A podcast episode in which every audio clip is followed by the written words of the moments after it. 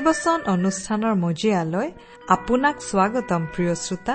আজিৰে পবিত্ৰ ক্ষণতে উজলি উঠা খ্ৰীষ্টৰ জ্যোতি।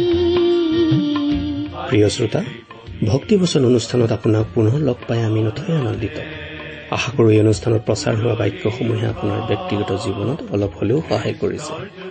ঈশ্বৰ এগৰাকী সৰ্বশক্তিশালী ব্যক্তি। তেওঁ পৃথিৱী আকাশমণ্ডল আৰু সৌৰজগতৰ সকলোকে নিজৰ ইচ্ছাৰে আৰু পৰাক্ৰমেৰে শৃংখলাবদ্ধভাৱে স্থিৰ কৰি থৈছে। তেওঁ প্ৰতিটো বিষয়কে একো একোটা নিয়মৰ অৰ্থাৎ নিজ নিজ সীমাৰ অন্তৰ্ভুক্ত কৰি ৰাখিছে। সেইকাৰণে সকলোবোৰ সুন্দৰকৈ চলি আছে। সেইবোৰৰ এটা বিষয়েও যদি নিজ নিয়মক চেৰাই যাবলৈ ধৰে তেন্তে সকলোবোৰ খেলি মেলি অৰ্থাৎ ধ্বংস হ'ব। আমাৰ জীৱনবোৰো তেনেকুৱা। আপোনাৰ মোৰ জীৱনটোকো ঈশ্বৰে বৰ সুন্দৰকৈ শৃংখলাবদ্ধভাৱে মংগলৰ আঁচনিৰে সজাই ৰাখিছে। ঈশ্বৰৰ পৰাক্ৰমী সুৰক্ষাৰ তলত আপোনাৰ জীৱন সদায় সুৰক্ষিত। তেওঁত আশ্ৰয় ললে। আপুনি জীৱনৰ প্ৰকৃত আনন্দ বিচাৰি পাব। তেওঁৰ বাক্যই আপোনাক তেওঁৰ বিষয়ে আৰু অধিককৈ জানিবলৈ সহায় কৰাৰ আশাৰে এয়া আপোনালৈ আগবঢ়াইছো। ভক্তি বচন মাটিৰ দেহা মাটিত মিলিব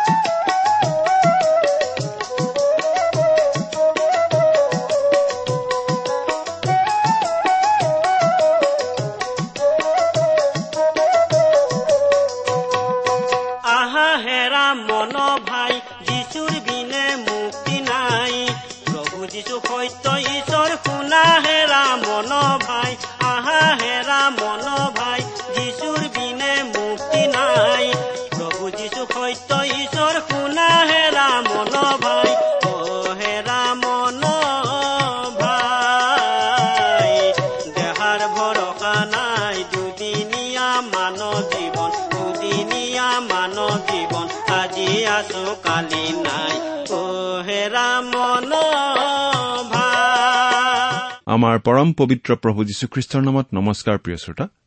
আশা কৰো মহান পিতা পৰমেশ্বৰৰ মহান অনুগ্ৰহত আপুনি ভালে কুশলে আছে। আপুনি বাৰু আমাৰ এই ভক্তিবচন অনুষ্ঠানটো নিয়মিতভাৱে শুনি আছেনে? শুনি কেনে পাইছে আমালৈ চিঠি লিখি জনাবচোন। আহকচোন আজিৰ বাইবেল অধ্যয়ন আৰম্ভ কৰাৰ আগতে খন্তেক প্ৰাৰ্থনাত মূৰ দুৱাওঁ। স্বৰ্গত থকা অসীম দয়ালু পিতৃ ঈশ্বৰ তোমাৰ মহান নামৰ ধন্যবাদ কৰো। তুমি সৰ্বশক্তিমান সৰ্বব্যাপী সৰ্বজ্ঞানী ঈশ্বৰ হৈও আমাৰ দৰে ক্ষুদ্ৰ মানৱক যে ইমান প্ৰেম কৰা সেই কথা ভাবিলেই আচৰিত হওঁ। তুমি আমাক ইমানেই প্ৰেম কৰিলা যে আমাক পৰিত্ৰাণ দিবলৈ তুমি তোমাৰ একেজাত পুত্ৰ যীশুখ্ৰীষ্টকেই আমালৈ দান কৰিলা। তেওঁ ক্ৰুচত নিজৰ পবিত্ৰ তেজেৰে আমাৰ পাপৰ প্ৰাচিত্য কৰিলে। আজি তেওঁত বিশ্বাস কৰি আমি অনন্ত জীৱন লাভ কৰি তোমাক পিতৃ বুলি মাতিব পৰা হৈছো। তাৰ বাবে তোমাক অশেষ ধন্যবাদ পিতা। এতিয়া আমি তোমাৰ মহান বাক্য বাইবেল শাস্ত্ৰ অধ্যয়ন কৰিবলৈ ওলাইছো প্ৰাৰ্থনা কৰিছো। তোমাৰ বাক্য তুমিয়েই আমাক বুজাই দিয়া। এই অনুষ্ঠান শুনি থকা আমাৰ মৰমৰ শ্ৰোতাসকলক তুমি উপচি পৰাকৈ আশীৰ্বাদ কৰা। কিয়নো এই প্ৰাৰ্থনা আমাৰ মহান ত্ৰাণকৰ্তা মৃত্যুঞ্জয় প্ৰভু যীশুখ্ৰীষ্টৰ নামত আগবঢ়াইছো।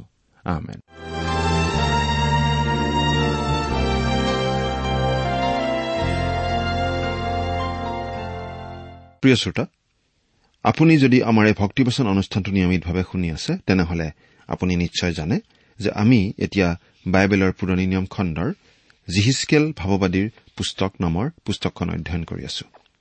আৰু যোৱা অনুষ্ঠানত আমি এই জিহিচকেল পুস্তকখনৰ তিনি নম্বৰ অধ্যায়ৰ ওঠৰ নম্বৰ পদলৈকে আলোচনা আগবঢ়াইছিলো। গতিকে আজি তিনি নম্বৰ অধ্যায়ৰ ঊনৈশ নম্বৰ পদৰ পৰা আমাৰ আলোচনা আগবঢ়াই নিব খুজিছো। এই জিহিচকেল পুস্তকখন হৈছে এখন ভাৱবাণীমূলক পুস্তক।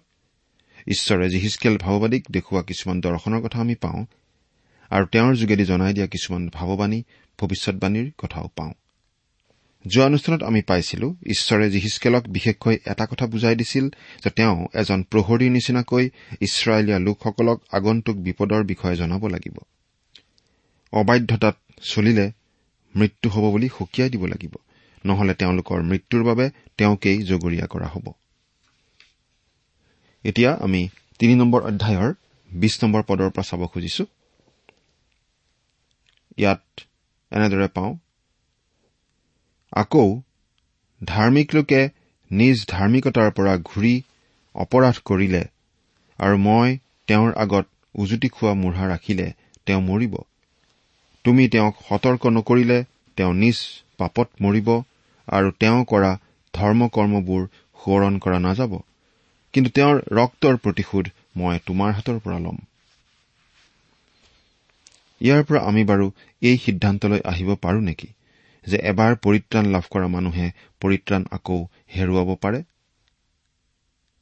আচলতে জিহিচকেল ভাৱবাদী আছিল ঈশ্বৰৰ বিধানৰ যুগৰ লোক। সেই সময়ত জীৱন পৰীক্ষা কৰা হৈছিল ধাৰ্মিকতাৰ কাৰ্যেৰে। দেখাত কিন্তু ভাল কাম যেন লাগিলেও কোনো কোনো কঠোৰ সময়ত তেওঁ ঈশ্বৰৰ প্ৰতি পিঠিও দিব পাৰে আৰু তেওঁৰ বাবে দণ্ড তেনেদৰে আহিব পাৰে। কিন্তু আজি আমি অনুগ্ৰহৰ যুগত বাস কৰি আছো। এতিয়া আমাৰ ধাৰ্মিকতা বেলেগ ধৰণে চোৱা হয়। যীশুত বিশ্বাস স্থাপন কৰাৰ দ্বাৰাহে আমি ধাৰ্মিক বুলি পৰিগণিত হওঁ। আমি বিশ্বাসেৰে অনুগ্ৰহৰ দ্বাৰাই পৰিত্ৰাণ লাভ কৰো। ৰুমিয়া চাৰি নম্বৰ অধ্যায়ৰ পাঁচ নম্বৰ পদত আমি এই বুলি পঢ়িবলৈ পাওঁ। কিন্তু যিজনে কৰ্মকাৰী নহৈ ঈশ্বৰ ভক্তিহীনক ধাৰ্মিক বুলি গণিত কৰা জনাত বিশ্বাস কৰে তেওঁৰ সেই বিশ্বাস ধাৰ্মিকতাৰ অৰ্থে গণিত হয়। আজি কোনোবা প্ৰকৃত বিশ্বাসীয়ে কেতিয়াবা পাপ কৰিবও পাৰে। কিন্তু তেওঁ স্ব ইচ্ছাই অনবৰতে পাপতে জীয়াই নাথাকে। অনবৰতে তেওঁ পাপ কৰি নাথাকে। এদিন নহয় এদিন মন পালটন কৰি তেওঁ ক্ষমা খুজিবই। প্ৰথম জোখন তিনি নম্বৰ অধ্যায়ৰ ন নম্বৰ পদত আমি এই বুলি পঢ়িবলৈ পাওঁ যিকোনো ঈশ্বৰৰ পৰা জন্ম পোৱা হয় তেওঁ পাপ আচৰণ নকৰে কাৰণ ঈশ্বৰৰ বীজ তেওঁৰ অন্তৰত থাকে আৰু তেওঁ পাপ কৰিব নোৱাৰে কাৰণ ঈশ্বৰৰ পৰা তেওঁৰ জন্ম হল। যদিহে আমি কেতিয়াবা পাপত পতিত হওঁ তেতিয়াহ'লে আমি নিশ্চয় অনুতাপ কৰিম। আৰু কিবা কাৰণত কোনো খ্ৰীষ্টীয় বিশ্বাসী তেনেদৰে পাপত পতিত হলেও তেওঁৰ হৈ কথা কবলৈ তেওঁৰ হৈ নিবেদন কৰিবলৈ এজন উকিল আছে। প্ৰথম জোখন দুই নম্বৰ অধ্যায়ৰ এক নম্বৰ পদটো পঢ়ি দিছো। হে মোৰ বোপাহঁত তোমালোকে যেন পাপ নকৰা এই আশয়েৰে মই তোমালোকলৈ এইবোৰ কথা লিখিছো। আৰু কোনোৱে যদিও পাপ কৰে তথাপি পিতৃৰ আগত আমাৰ সহায়কৰ্তা ধাৰ্মিক যীশুখ্ৰীষ্ট আছে। পদ আৰু তেওঁই আমাৰ পাপৰ প্ৰায়চিত্ৰ কেৱল আমাৰেই নহয় গোটেই জগতৰো। অৱশ্যে ইয়াত যিখিনি কথা আমি পঢ়িছো এই জিহিচকেল পুস্তকখনত তাত কথাখিনি জিহিচকেলে প্ৰহৰী হিচাপে দায়িত্ব পালন কৰা নকৰাৰ সন্দৰ্ভতহে কোৱা হৈছে। একৈশ নম্বৰ পদ আৰু ধাৰ্মিক লোকে পাপ নকৰিবৰ নিমিত্তে তুমি যদি তেওঁক সতৰ্ক কৰা আৰু তেওঁ পাপ নকৰে তেন্তে তুমি সতৰ্ক হোৱাৰ কাৰণে অৱশ্যে জীয়াই থাকিব আৰু তুমিও নিজ প্ৰাণ ৰক্ষা কৰিবা। মুঠতে এয়া জিহিচকেলৰ দায়িত্ব সম্বন্ধে তেওঁক জনাই থকা হৈছে। বাইশ নম্বৰ পদ আৰু সেই ঠাইতে জিহুৱাৰ হাত মোৰ ওপৰত অৰ্পিত হল আৰু তেওঁ মোক কলে উঠা উপত্যকালৈ ওলাই যোৱা। মই সেই ঠাইত তোমাৰ লগত কথা হ'ম। জিহিচকেলক এতিয়া ঈশ্বৰে যাবলৈ কৈছে। তেওঁ সাতদিন ধৰি মানুহবোৰৰ মাজত থাকি মানুহবোৰ ঈশ্বৰৰ পৰা কিমান দূৰলৈ আঁতৰি গৈছে সেই বিষয়ে ভাবি চিন্তাক্লিষ্ট হৈ আছিল।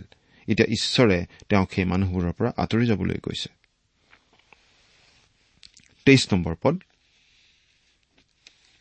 তাতে মই উঠি উপত্যকালৈ ওলাই গলো আৰু দেখিলো কবাৰ নদীৰ ওচৰত মই দেখা গৌৰৱৰ নিচিনা জিহুৱাৰ গৌৰৱ তাত ৰৈ আছে।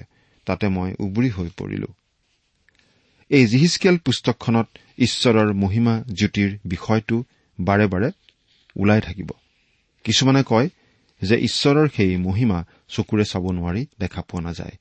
কিন্তু আমি ভাবো যে সেইটো শুদ্ধ নহয়। ঈশ্বৰৰ গৌৰৱে আমাৰ গোটেই পঞ্চ ইন্দ্ৰিয়কেই অনুভূতি জগায়। গীতমালা ঊনৈশ নম্বৰ গীতৰ এক নম্বৰ পদত আমি এই বুলি পঢ়িবলৈ পাওঁ। গগনমণ্ডলে ঈশ্বৰৰ মহিমা প্ৰকাশ কৰে। আকাশমণ্ডলে তেওঁৰ হাতৰ কৰ্ম দেখুৱায়। মুঠতে চাৰিওফালে ঈশ্বৰৰ কাৰ্য আমি দেখিবলৈ পাওঁ। আমি বাস কৰা এই বিশ্ব ব্ৰহ্মাণ্ডখনত আমি ঈশ্বৰৰ গৌৰৱ দেখা পাব পাৰোঁ। ই পৰিধিবিহীন। গৌৰৱত সৌন্দৰ্যও আছে। যিচয়া আঠাইছ নম্বৰ অধ্যায়ৰ এক নম্বৰ পদত আমি এনেদৰে পঢ়িবলৈ পাওঁ ইফ্ৰইমৰ মতলীয়াবোৰৰ অহংকাৰৰ ৰাজমুকুটিৰ আৰু দ্ৰাক্ষাৰসেৰে পৰাজিত হোৱাবিলাকৰ উৰ্বৰা উপত্যকাৰ মূৰত থকা জয় পৰা সুন্দৰ ভূষণস্বৰূপ ফুলটিৰ সন্তাপ হ'ব। ঈশ্বৰৰ গৌৰৱ মহিমা অতি সুন্দৰ। সেইবাবেই স্বৰ্গ অতিশয় সুন্দৰ ঠাই হ'ব। গৌৰৱ মহিমাৰ সৈতে অলংকৰণৰ কথাটোও জড়িত হৈ থাকে। সেই গৌৰৱ মহিমাই ঈশ্বৰক অলংকৃত কৰে জিহিচকেলে ঈশ্বৰৰ সেই গৌৰৱ দেখা পাইছিল। চৌব্বিছ আৰু পঁচিছ নম্বৰ পদ। পাছে আত্মাই মোৰ অন্তৰত সোমাই মোক থিয় কৰালে আৰু তেওঁ মোৰ লগত কথা হৈ মোক কলে তুমি গৈ তোমাৰ ঘৰ বন্ধ কৰি ভিতৰত থাকা। হে মনুষ্য সন্তান চোৱা মানুহবিলাকে তোমাক লেজু লগাই তাৰে তোমাক বান্ধিব। তাতে তুমি বাহিৰ হৈ তেওঁবিলাকৰ মাজলৈ যাব নোৱাৰিবা। শত্ৰুবোৰে জিহিচকেলক ঘৰৰ পৰা লৈ যাবলৈ বান্ধিছিল কিন্তু জিহিচকেলে সেই ঘৰতে থাকিবলৈ বিচাৰিছিল। জিহিচকেলে নিজৰ কাৰ্যৰ যোগেদিও ঈশ্বৰৰ ভাৱবাণী ঘোষণা কৰিছিল। জিহিচকেলে ঘৰৰ ভিতৰত বন্ধ হৈ সোমাই থাকি অনবৰতে এই কথা জনাই দিছিল যে ঈশ্বৰে সেই বিদ্ৰোহী ইছৰাইল জাতিটোক পৰিত্যাগ কৰিছে। ছাব্বিছ আৰু সাতাইছ নম্বৰ পদ। আৰু মই তোমাৰ জীৱা তালুত লগাম। তাতে তুমি বোবা হবা। আৰু তেওঁবিলাকৰ আগত অনুযোগ কৰোতা নহবা কিয়নো তেওঁবিলাক বিদ্ৰোহী বংশ। কিন্তু মই তোমাৰ লগত কথা হোৱা সময়ত তোমাৰ মুখ মেলিম। তাতে প্ৰভুজী হোৱাই এই কথা কৈছে বুলি তুমি তেওঁবিলাকক কবা। যিজনে শুনে তেওঁ শুনক। আৰু যিজনে নুশুনে তেওঁ নুশুনক। কিয়নো তেওঁবিলাক বিদ্ৰোহী বংশ। জিহিচকেলে ঈশ্বৰৰ আদেশৰ দৰে ওলাই গৈ ঈশ্বৰৰ গৌৰৱ দেখা পাইছিল। অৰ্থাৎ ঈশ্বৰৰ উপস্থিতিৰ মাজত প্ৰৱেশ কৰি ঈশ্বৰ যেনেকুৱা তেনেকুৱা ৰূপেই জানিছিল আৰু দেখিছিল আৰু তেওঁক জনা আৰু দেখাৰ পাছত পবিত্ৰ আত্মা তেওঁত প্ৰৱেশ কৰিছিল। তেওঁক কথা কৈছিল। মুখেৰে কথা কোৱাতকৈ তেওঁ আন আন বিভিন্ন উপায়েৰে সেই কথাবোৰ প্ৰকাশ কৰিছিল। ঈশ্বৰে কথা কবলৈ তেওঁৰ বোবা মুখ খুলি দিয়াৰ পাছত বিদ্ৰোহী সেই যিহুদী লোকসকলক কথা কৈ তেওঁলোকক তেওঁ কৈছিল। বাহিনীবিলাকৰ জিহুৱাই এইদৰে কৈছে। এতিয়া আমি চাৰি নম্বৰ আৰু পাঁচ নম্বৰ অধ্যায়ত পঢ়িবলৈ পাওঁ জিৰচালেমৰ ওপৰত ঈশ্বৰৰ সুধবিচাৰ পৰা আৰু ভাৱবাদীজনে মূৰ খুৰুৱাৰ চিনৰ বিষয়ে।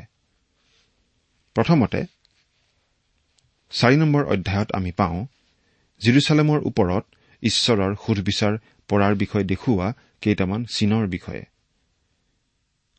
ইটা এটাৰ ওপৰত জিৰচালেম নগৰৰ নক্সা অঁকা লোহাৰ টাৱা এখন লৈ জিহিচকেলে তেওঁৰ নিজৰ নগৰৰ মাজত সেই টাৱাখন ৰখা আৰু তেওঁ শুই থাকি নিজৰ ওপৰত ইছৰাইলৰ অপৰাধ ভাৰ বোৱা। আৰু মানুহৰ বিষ্ঠাৰে তাও দিয়া খাদ্য ভোজন কৰা আদি চিন প্ৰদৰ্শন কৰাৰ দ্বাৰাই এটা বিষয়কেই হিচকেলে বিদ্ৰোহী লোকবিলাকক বুজাব লাগে যে জিৰচালেমৰ ওপৰত ঈশ্বৰৰ সুধবিচাৰ পৰিব আৰু জিৰচালেম ধ্বংস হ'ব। কাৰণ জিৰচালেম তেতিয়াও ধ্বংস হোৱা নাছিল আৰু মিছলীয়া ভাৱবাদীসকলে প্ৰচাৰ কৰি কৈ আছিল যে জিৰচালেম ধ্বংস নহয় আৰু জিহুদাৰ বন্দীসকলো সোনকালেই স্বদেশলৈ ওলটি যাব। মিছলীয়া ভাৱবাদীসকলে প্ৰচাৰ কৰা তেওঁলোকৰ ভাৱবাণী যে মিছা আৰু জিৰিমীয়া ভাৱবাদীয়ে প্ৰচাৰ কৰা ভাৱবাণীয়ে যে সঁচা তাকেই নিশ্চিত আৰু ঠাৱৰ কৰি দেখুৱাবলৈ জিহিচকেলে এইবোৰ চিন প্ৰদৰ্শন কৰি দেখুৱাইছিল। মানুহে জগতত শান্তি স্থাপন কৰিবলৈ সদায় চেষ্টা চলাই আহিছে। কিন্তু প্ৰভু যীশু নহালৈকে জগতত প্ৰকৃত শান্তি স্থাপন কেতিয়াও নহয়। পাচনি পৌলে এইবুলি লিখিছিল প্ৰথম থিচলনিকীয়া পত্ৰৰ পাঁচ নম্বৰ অধ্যায়ৰ তিনি নম্বৰ পদত। যেতিয়া মানুহবিলাকে বুলিব শান্তি আৰু নিৰ্বিঘ্নতা তেতিয়া গৰ্ভৱতীৰ প্ৰসৱ বেদনাৰ নিচিনাকৈ তেওঁবিলাকৰ আকস্মিক বিনাশ উপস্থিত হ'ব। তাতে তেওঁবিলাকে কোনোমতে সাৰিব নোৱাৰিব।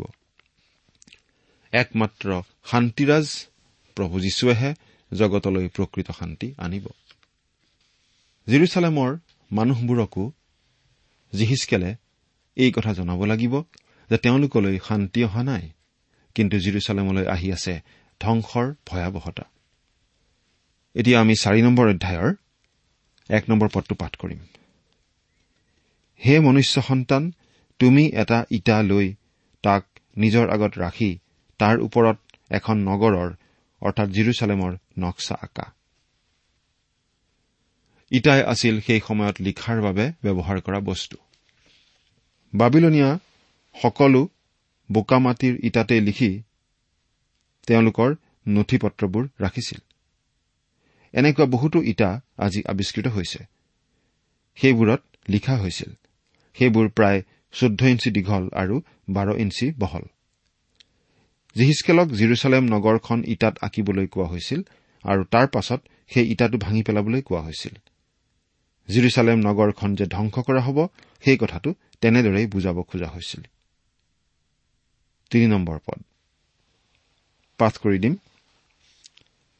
আৰু তুমি এখন লোহাৰ টাৱা লৈ তোমাৰ আৰু নগৰৰ মাজত লোহাৰ গড়স্বৰূপে তাক স্থাপন কৰা আৰু তাৰ ফালে কঠিন দৃষ্টি কৰা। তাতে সেয়ে অৱৰোধৰ অৱস্থাত পৰিব আৰু তুমি তাক অৱৰোধ কৰিবা। ইছৰাইল বংশৰ নিমিত্তে এইয়ে চিন হ'ব। এতিয়া জিহিচকেলক এখন লোহাৰ টাৱা লৈ সেই জিৰচালেমৰ ছবিখন আৰু তেওঁৰ মাজত থবলৈ কোৱা হৈছিল। তাৰ দ্বাৰা এই কথাটো বুজাব খোজা হৈছিল। ঈশ্বৰ আৰু জিৰচালেমৰ মাজত এটা বাধাৰ প্ৰাচীৰ হৈছে। নগৰখনৰ ধ্বংস অনিবাৰ্য। সেই ধ্বংস নোহোৱা কৰিব নোৱাৰি। প্ৰথমটো চীনে বুজাইছিল জিৰচালেম অৱৰোধ কৰা হ'ব বুলি। দ্বিতীয় চিনটোৱে বুজাইছিল তেওঁলোকৰ ওপৰলৈ নামি আহিব ধৰা ঈশ্বৰৰ দণ্ডৰ কথা ফলত মানুহবোৰে অতি ভয়ংকৰ কষ্টৰ মাজেদি পাৰ হ'ব লাগিব। আৰু তৃতীয় চিনটোৱে বুজাইছিল জিৰচালেমৰ ওপৰলৈ আহিবলগীয়া অতিৰিক্ত শাস্তিৰ কথা। এইটো আছিল নষ্ট পোৱা ৰুটি বা পিঠাৰ চিনটো।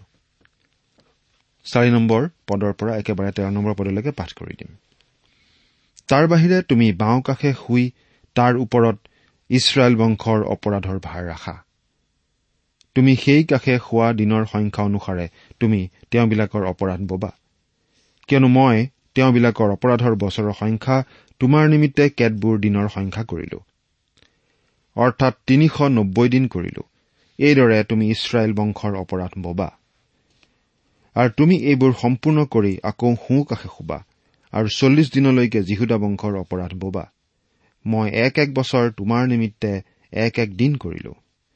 তুমি বাহু উদং কৰি জিৰচালেমৰ অৱৰোধলৈ স্থিৰ দৃষ্টি কৰি তাৰ বিৰুদ্ধে ভাৱবাণী প্ৰচাৰ কৰিবা। চোৱা মই ৰছীৰে তোমাক বান্ধিম। তাতে তোমাৰ অৱৰোধৰ দিন তুমি সম্পূৰ্ণ নকৰালৈকে এক কাষৰ পৰা আন কাষলৈ বাগৰিব নোৱাৰিবা। আৰু তুমি নিজৰ নিমিত্তে ঘেঁহু জব মাহ মচুৰ বজৰা আৰু জনৰা লৈ এটা পাত্ৰত ৰাখি তাৰে পিঠা বনোৱা। তুমি কাটি হৈ শুই থকা দিনৰ সংখ্যা অনুসাৰে তিনিশ নব্বৈ দিন তাক ভোজন কৰিবা। তোমাৰ খোৱা আহাৰ জোখ কৰি দিনে দিনে বিছ চেকল খাবা। তুমি বিশেষ বিশেষ সময়ত তাক খাবা। আৰু তুমি পানীও জোখ কৰি হীনৰ ছয় ভাগৰ এভাগ পাণ কৰিবা। তুমি বিশেষ বিশেষ সময়ত তাক পাণ কৰিবা। আৰু তুমি জবৰ পিঠাৰ নিচিনাকৈ তাক তৈয়াৰ কৰি ভোজন কৰিবা আৰু তেওঁবিলাকৰ চকুৰ আগতে মানুহৰ পৰা বাহিৰ হোৱা বিস্তাৰে তাক তাও দিবা। জিহুৱাই আৰু কলে যি জাতিবিলাকৰ মাজলৈ মই ইছৰাইলৰ সন্তানবিলাকক খেদিম সেই জাতিবিলাকৰ মাজত তেওঁবিলাকে নিজ নিজ আহাৰ এইদৰে অসুচীকৈ খাব। এই যি আজ্ঞাবোৰ দিয়া হৈছিল সেইবোৰ আমাৰ বাবে অতি কষ্টকৰ কাম যেন হ'ব কিন্তু জিহিচকেলৰ কাৰণে অধিক কঠিন হৈছিল কাৰণ তেওঁ জানিছিল যে তেওঁ তেনেকুৱা অসুচী খাদ্য খাবলগীয়া হৈছে। পুৰোহিত হিচাপে তেনেকুৱা অসুচী খাদ্য তেওঁ কেতিয়াও তেনেদৰে খোৱা নাছিল। চৈধ্যৰ পৰা সোতৰ নম্বৰ পদ। তেতিয়া মই কলো হাই হাই প্ৰভুজী হোৱা চোৱা মোৰ প্ৰাণ অসুচী কৰা নাই। কিয়নো মই ল'ৰাকালৰে পৰা আজিলৈকে নিজে নিজে মৰা বা জন্তুৰে চিৰা একোকে খোৱা নাই নাইবা ঘীনলগীয়া মাংস মোৰ মুখত কেতিয়াও সোমোৱা নাই। তেতিয়া তেওঁ মোক কলে চোৱা মই মানুহৰ বিস্তাৰ সলনি তোমাক গোবৰ খুটি দিলো। তুমি তাৰে নিজৰ পিঠা তাও দি তৈয়াৰ কৰিবা। তাৰ বাহিৰে তেওঁ মোক কলে হে মনুষ্য সন্তান চোৱা মই জিৰচালেমত অন্নৰূপ লাখুটি ভাঙিম। তাতে তেওঁবিলাক পিঠা আৰু পানীৰ অভাৱত পৰিবৰ নিমিত্তে আৰু পৰস্পৰে আচৰিত হৈ তেওঁবিলাকৰ অপৰাধত ক্ষীণাই যাবৰ নিমিত্তে তেওঁবিলাকে সাৱধানেৰে জুখি জুখি পিঠা খাব আৰু আচৰিত হৈ জুখি জুখি পানী পান কৰিব। আচলতে ইয়াৰ দ্বাৰা ঈশ্বৰে দেখুৱাইছিল যে জিৰচালেম ধ্বংস হোৱাৰ সময়ত মানুহবোৰৰ মাজত ভীষণ আহুকাল হ'ব ভীষণ আকাল হ'ব। যদিও ভুৱা ভাৱবাদীবিলাকে তেওঁলোকক বৃথা আশ্বাসবাণী দি আছিল জিৰচালেম আৰু তাৰ প্ৰজাবোৰ কিন্তু ধ্বংস হ'ব লাগিব। এই বিভিন্ন চিনবোৰৰ মাজেদি তেওঁলোকলৈ আহিবলগীয়া ভয়াৱহ দিনৰ ছবি দাঙি ধৰা হৈছে। পাঁচ নম্বৰ অধ্যায়ৰ এক নম্বৰ পদৰ পৰা চাৰি নম্বৰ পদলৈকে পাঠ কৰিম। আৰু সেই মনুষ্য সন্তান তুমি এখন চোকা তৰোৱাল লোৱা। তুমি তাক নাপিতৰ খুৰস্বৰূপে লৈ নিজৰ মূৰৰ চুলি আৰু দাড়ি ওপৰত চলোৱা। পাছে এখন তৰ্জু লৈ সেই দাড়ি চুলিবোৰ জুখি ভাগ কৰিবা। নগৰ অৱৰোধ কৰা দিন সম্পূৰ্ণ হলে তুমি তাৰ তিনিভাগৰ এভাগ নগৰৰ মাজত জুইত পুৰিবা। তুমি দ্বিতীয় ভাগ লৈ নগৰৰ চাৰিওফালে তাক তৰোৱালেৰে প্ৰহাৰ কৰিবা আৰু তুমি তৃতীয় ভাগ বায়ুত উৰুৱাই দিবা। আৰু মই ফাকৰ পৰা তৰোৱাল উলিয়াই তেওঁবিলাকৰ পাছে পাছে খেদি যাম। আৰু তুমি তাৰে অলপ লৈ তোমাৰ কাপোৰৰ আচলত বান্ধিবা। পাছে তুমি তাৰো অলপ লৈ জুইৰ মাজত পেলাই জুইত পুৰিবা। তাৰ পৰা জুই ওলাই গোটেই ইছৰাইল বংশত সোমাব। জিজকেলে যেতিয়া এনেদৰে দাড়ি কাটিছিল তেতিয়া নিশ্চয় মানুহবোৰে বেৰি ধৰি চাইছিল। কাৰণ পুৰোহিতে তেনেদৰে দাড়ি কটাটো অতি অস্বাভাৱিক কথা আছিল আৰু গোটেই কামখিনি জিহিচকেলে মুকলি ঠাইত সকলোৱে দেখাকৈ কৰিছিল। চুলিদাৰীখিনি ঘূৰাই উঠি জিহিচকেলে সেইখিনি সাৱধানে তিনিভাগ কৰিছিল। গোটেই দাড়ি চুলিৰ তিনিভাগৰ এভাগ লৈ তেওঁ নগৰৰ ভিতৰত পুৰিছিল। ইয়াৰ দ্বাৰা এইটো বুজোৱা হৈছিল যে বহুতো মানুহ এনেদৰে পুৰি মৰিব লাগিব যেতিয়া জিৰচালেম নগৰখন শত্ৰুৱে অৱৰোধ কৰিব আৰু জ্বলাই ধ্বংস কৰি পেলাব। আৰু ঠিক তেনেদৰেই ঘটিছিল। তিনিভাগৰ দ্বিতীয় ভাগটো লৈ তেওঁ আঘাত কৰিছিল। অৰ্থাৎ এভাগ মানুহ শত্ৰুৰ হাতত তৰোৱালেৰে বধ কৰা হ'ব। সেইটো বুজাইছিল আৰু ঠিক তেনেদৰেই পিছত ঘটিছিল। বাকী থকা মানুহখিনি চেদেলি ভেদেলি হৈ যাব লগা হৈছিল। এই মানুহখিনি মিছৰলৈ গৈছিলগৈ আৰু লগতে জিৰিমীয়া ভাৱবাদীকো তেওঁলোকে লৈ গৈছিল। কিছুমান অৱশিষ্ট ইছৰাইলীয় লোক এসময়ত জিৰচালেমলৈ উভতি আহিছিল আৰু সেই কথাটো আগতেই বুজাই দিবলৈ কিছুমান দাড়ি চুলি জিহিচকেলক কাপোৰৰ আচলত বান্ধি থবলৈ কোৱা হৈছিল। জিৰচালেমলৈ ঈশ্বৰৰ যি ক্ৰোধৰ শাস্তি আহিব ধৰিছিল তাৰ ভয় লগা ছবি এখন আমি ইয়াত দেখা পাওঁ। এতিয়া পাঁচ নম্বৰ পদটো পঢ়িছো। প্ৰভুজী হোৱাই এই কথা কৈছে এইয়ে জিৰচালেম। মই ইয়াক জাতিবিলাকৰ মাজত স্থাপন কৰিলো ইয়াৰ চাৰিওফালে দেশবোৰ আছে। তাৰ পৰা আমি একেবাৰে যদি পঢ়ি যাওঁ জিৰচালেমলৈ আহিবলগীয়া ভয় লগা সেই অভিশাপৰ কথা আমি পঢ়িবলৈ পাওঁ। বাৰ নম্বৰ পদ পঢ়িছো তোমাৰ তিনিভাগৰ এভাগ লোক তোমাৰ মাজত মহামাৰীত মৰিব আৰু আকালৰ দ্বাৰাই নষ্ট হ'ব। দ্বিতীয় ভাগ তোমাৰ চাৰিওফালে তৰোৱালত পতিত হ'ব আৰু তৃতীয় ভাগ মই চাৰিওফালে বায়ুত উৰুৱাই দিম আৰু ফাকৰ পৰা তৰোৱাল উলিয়াই তেওঁবিলাকৰ পাছে পাছে খেদি যাম। এই বাৰ্তা অতি কঠোৰ অতি ভয় লগা কিন্তু এই কথা ঈশ্বৰে জনাই দিছিল। গতিকে জিহিচকেলে ঠিক সেইদৰেই মানুহবোৰক জনাই দিছিল। তেৰৰ পৰা সোতৰ নম্বৰ পদ। এইদৰে মোৰ ক্ৰোধ সিদ্ধ হ'ব আৰু মই তেওঁবিলাকৰ ওপৰত মোৰ কোপ বৰষাই ক্ষান্ত হ'ম। মই তেওঁবিলাকৰ ওপৰত মোৰ ক্ৰোধ সিদ্ধ কৰাৰ পাছত তেওঁবিলাকে জানিব যে মই জিহুৱাই মোৰ মৰ্যাদা ৰখাৰ উৎসাহতেই এই কথা কলো। বাকী গোটেই পদকেইটা আমি পাঠ নকৰো সময়ৰ অভাৱত। কিন্তু আমি ইয়াত এই কথা বুজি পাওঁ। জিহিচকেলৰ যোগেদি ঈশ্বৰে কোনো লোকঢাক নকৰাকৈ ভৱিষ্যতে আহিবলগীয়া তেওঁৰ ক্ৰোধ দণ্ডৰ কথা ইছৰাইলীয়া মানুহবোৰক জনাই দিছে আৰু সেইবোৰ আখৰে আখৰে ফলিয়াইছিল প্ৰিয় শ্ৰোতা জিহিচকেলে যি সতৰ্কবাণীৰে জিৰচালেমৰ ধ্বংস আৰু জাতিটোৰ সংকট আৰু বিপদৰ কথা জনাই দিছিল তালৈ মানুহবিলাকে কাণসাৰ নকৰিলে। জিৰচালেম ধ্বংস হৈ গ'ল। কিন্তু এই কথাবোৰে আমাক সজাগ আৰু সতৰ্ক কৰি দিয়া উচিত। কাৰণ ঈশ্বৰৰ সুধবিচাৰ আনৰ কাৰণে যেনেকৈ আমাৰ কাৰণেও তেনেকৈ জনাই থোৱা আছে। ইছৰাইল আৰু যিহুদীসকলৰ ক্ষেত্ৰত যি ঘটাৰ বিষয় ভাৱবাণীত আমি পাইছো সেয়া আমাৰ আধ্যামিক জীৱনত ঘটিব পৰা দুৰৱস্থাৰ এটা বলিষ্ঠ ছবি। ঈশ্বৰৰ বচনৰ সতৰ্কবাণী নুশুনি ঈশ্বৰে প্ৰভু যীশুখ্ৰীষ্টত দান কৰা পৰিত্ৰাণৰ বাণীত বিশ্বাস নকৰা সকলো জাতি আৰু ব্যক্তিগত মানুহৰ ক্ষেত্ৰত। এই ঘটনাটো অৰ্থাৎ জিৰচালেম পতিত হওঁতে তাৰ লোকবিলাক শত্ৰুৰ হাতত মৰা পৰাৰ দৰে আমিও নৰকৰ অনন্ত মৃত্যুৰ সন্মুখীন হ'ম। প্ৰিয় শ্ৰোতা আপুনি যদি আজিও প্ৰভু যীশুখ্ৰীষ্টত দান কৰা পৰিত্ৰাণ গ্ৰহণ কৰা নাই এই মুহূৰ্ততেই কৰিব পাৰে কাৰণ বাইবেলে কৈছে পৰিত্ৰাণ গ্ৰহণ কৰাৰ উত্তম সময় এয়েই আজিয়েই। এই সুযোগ হাতত পাই বাটত হেৰুৱাবনে? ঈশ্বৰে আপোনাক আশীৰ্বাদ কৰক। আহমেদ ইমান পৰে আপুনি বাইবেল শাস্ত্ৰৰ পৰা ঈশ্বৰৰ বাক্য শুনিলে। এই বিষয়ে আপোনাৰ মতামত জানিবলৈ পালে আমি নথৈ আনন্দিত হ'ম। আমি প্ৰস্তুত কৰা বাইবেল অধ্যয়নৰ চিডিসমূহ পাব বিচাৰিলে আৰু অনুষ্ঠানত প্ৰচাৰ কৰা কোনো কথা বুজিব লগা থাকিলেও আমালৈ লিখক। আমাৰ যোগাযোগৰ ঠিকনা ভক্তিবচন ট্ৰান্সৱৰ্ল্ড ৰেডিঅ' ইণ্ডিয়া ডাক বাকচ নম্বৰ সাত শূন্য গুৱাহাটী সাত আঠ এক শূন্য শূন্য এক। ঠিকনাটো আকৌ এবাৰ কৈছো ভক্তিবচন ট্ৰান্স ৱৰ্ল্ড ৰেডিঅ' ইণ্ডিয়া ডাক বাকচ নম্বৰ সাত শূন্য গুৱাহাটী সাত আঠ এক শূন্য শূন্য এক। আমাৰ ইমেইল এড্ৰেছটো হৈছে Assamese T TV at the rate radio' eight eight two dot com. আমাৰ website W W W dot T W R dot in. আপুনি টেলিফোনৰ মাধ্যমেৰেও আমাক যোগাযোগ কৰিব পাৰে। আমাৰ টেলিফোন নম্বৰটো হৈছে nine eight five four zero' four zero' eight eight nine. Phone নম্বৰটো আকৌ এবাৰ কৈছো ন আঠ পাঁচ চাৰি শূন্য চাৰি শূন্য আঠ আঠ ন। আপুনি এই ভক্তিবচন অনুষ্ঠানটি আমাৰ website W W W dot radio' eight eight two dot কমতো শুনিব পাৰিব। আজিৰ অনুষ্ঠানটি ইমানতেই সামৰিছো। ঈশ্বৰৰ শান্তি আৰু অনুগ্ৰহ আপোনাৰ লগত থাকক। ধন্যবাদ।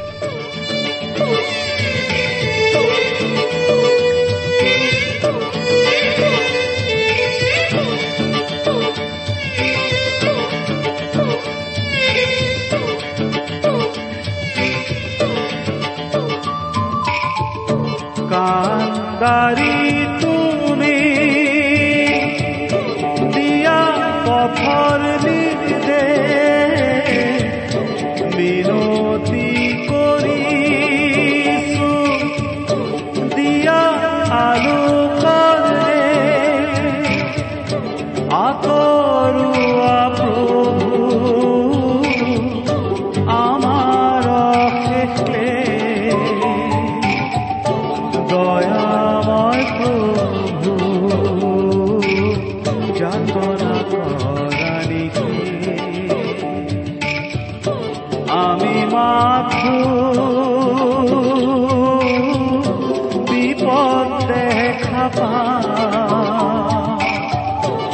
আমি মাত্র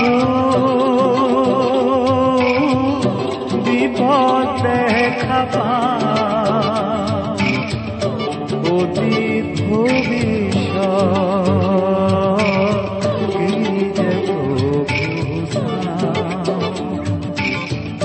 বথা নাই যে ভাঙা আমার। বথা